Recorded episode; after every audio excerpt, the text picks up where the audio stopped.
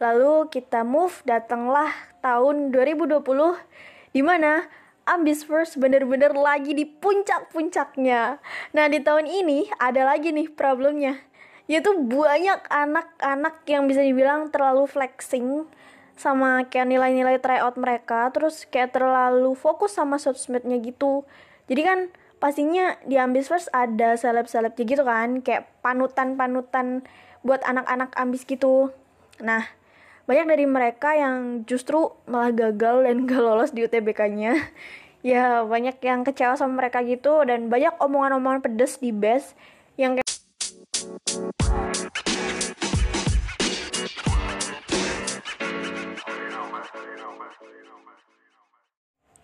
Prambos Podcasters X Podcast Mas Asia Network bareng Ayu Reishi. Woi woi woi. Nah, jadi sebelum mulai ke intinya, kita perkenalan dulu nih. Karena tak kenal maka tak aruf. Oke, jadi kenalin, nama aku Ayu Reshi. Uh, aku nih seorang cewek cantik menurut ibuku kelahiran Cianjur yang baru aja masuk ke dunia perkuliahan. Nah ngomong-ngomong soal kuliah, pas banget nih tentang kaula muda. Oke, okay, jadi aku mau bawa suatu cerita tentang struggle-nya kita anak-anak muda yang bersaing di seleksi masuk perguruan tinggi negeri kemarin nih. Nah, jadi sebagai anak yang update tapi nggak update-update banget, aku cukup mengikuti perkembangan anak-anak muda yang berambisi untuk melanjutkan pendidikannya ke jenjang perguruan tinggi, khususon yang negeri nih. Siapa sih kan yang gak mau masuk negeri? Nih, jadi ada satu cerita yang menurut aku menarik dari tahun ke tahun tentang anak-anak muda ini.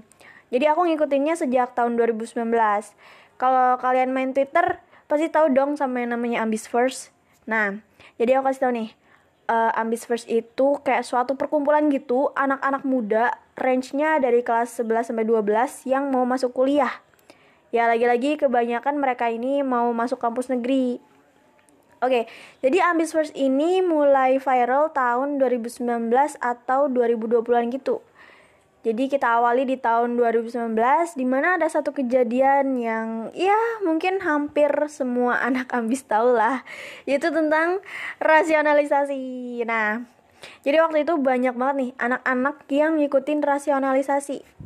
Jadi rasionalisasi itu kayak suatu perhitungan nilai-nilai kita, terus nanti ketahuan tuh kira-kira kita bakal lolos enggak di kampus A, di kampus B gitu. Nah, waktu itu tuh ada kejadian, banyak yang hasil rasionalisasinya tuh salah. Dan itu tuh menjurus ke satu orang gitu, tapi aku nggak bakal nyebutin namanya siapa. Well, orang itu tuh dipercaya banyak anak karena meyakinkan gitu sih. Tapi prediksinya of course nggak semua salah, banyak juga yang bener Cuma ya gitu deh, namanya juga cuman prediksi kan, kita nggak bisa bener-bener percaya 100% gitu dong. Dan ya seiring berjalannya waktu, mereka akhirnya bisa ngelupain itu juga kan. Lalu kita move, datanglah tahun 2020, di mana Ambisverse bener-bener lagi di puncak-puncaknya.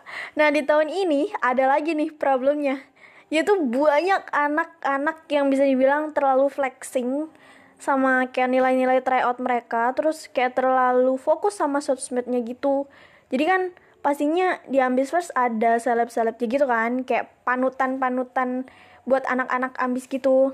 Nah banyak dari mereka yang justru malah gagal dan gak lolos di UTBK-nya ya banyak yang kecewa sama mereka gitu dan banyak omongan-omongan pedes di base yang kayak ngomong lah dia perasaan tiap hari update belajar tapi kok nggak lolos dan jujur aku kesindir juga karena aku angkatan 2020 yang termasuk flexing berlebihan dan gak lolos juga. Tapi ya alhamdulillahnya mereka akhirnya banyak yang lolos juga di mandirinya di PTN-PTN top 10 Indo gitu.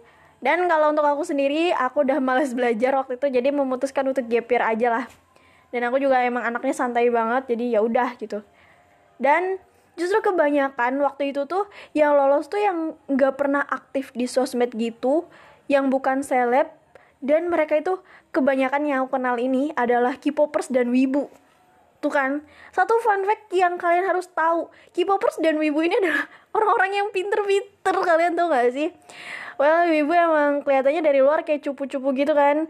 Biasanya mereka tuh kalian tahu kan outfitnya wibu? Mereka tuh biasanya pakai hoodie hitam yang ada kupluknya terus kupluknya tuh dipakai buat nutupin muka biar kayak toko-toko sundere di anim gitu loh. Terus pakai kacamata kotak terus tasnya tuh yang gede banget. Nggak tahu isinya apaan. Buku doang kali ya. Padahal aslinya dibalik itu semua mereka tuh pinter-pinter. Coy gila. Terus K-popers juga nih. Dari luar kelihatannya opa-opa doang. Kelihatannya bias-bias doang. Terus kayak suka ngabisin duit gitu kan buat kertas sama album eh tiba-tiba lolos UI eh tiba-tiba lolos UGM eh tiba-tiba lolos Stanford. Jujur aku tuh irinya tuh sama yang kayak gini-gini sih. Nah oke. Okay. lanjut dari tahun 2020 kita ke tahun 2021 ada lagi nih. Problem lagi nih.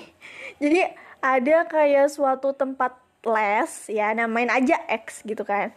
Nah tempat les ini tuh terkenal sama soal-soalnya mirip sama soal-soal UTBK dulu tuh kayak hampir semingguan gitu isi best itu selalu tentang tempat les X itu. Jadi ada banyak anak-anak yang gak ada privilege buat bisa les di situ. Mereka kayak ya gue emang apa tuh? Nggak punya duit nggak bisa les di sono nggak bisa dapat sapu jagat. Enak kalian males tinggal les gitu kan. Ribut dah tuh yang les di X dan yang gak bisa les di X.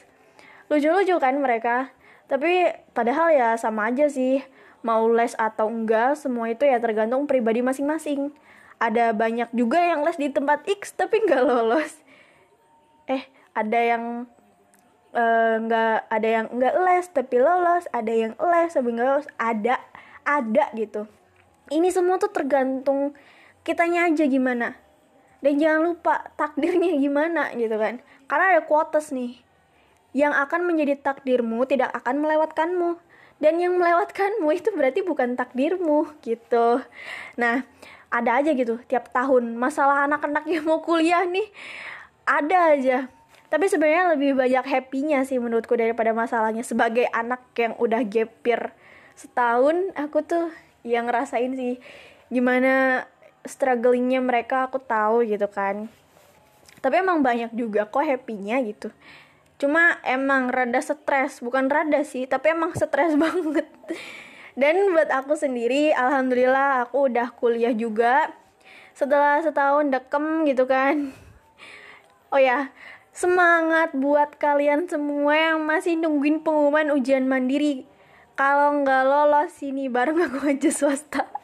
Karena swasta tuh nggak seburuk itu kok guys.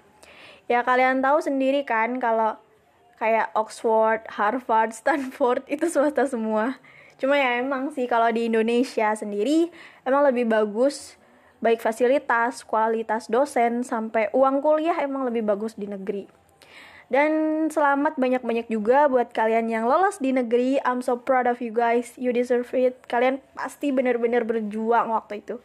Percayalah guys, seleksi masuk kampus negeri ini bener-bener belum ada apa-apanya sama dunia kerja nanti. Yang pastinya seleksinya lebih berat lagi. Ini sebenarnya masih bener-bener banyak banget yang pengen aku bahas, sumpah. Cuman waktunya emang kayaknya udah nggak cukup nggak cukup lagi jadi ya udah nanti kita ketemu lagi di podcast selanjutnya bye bye guys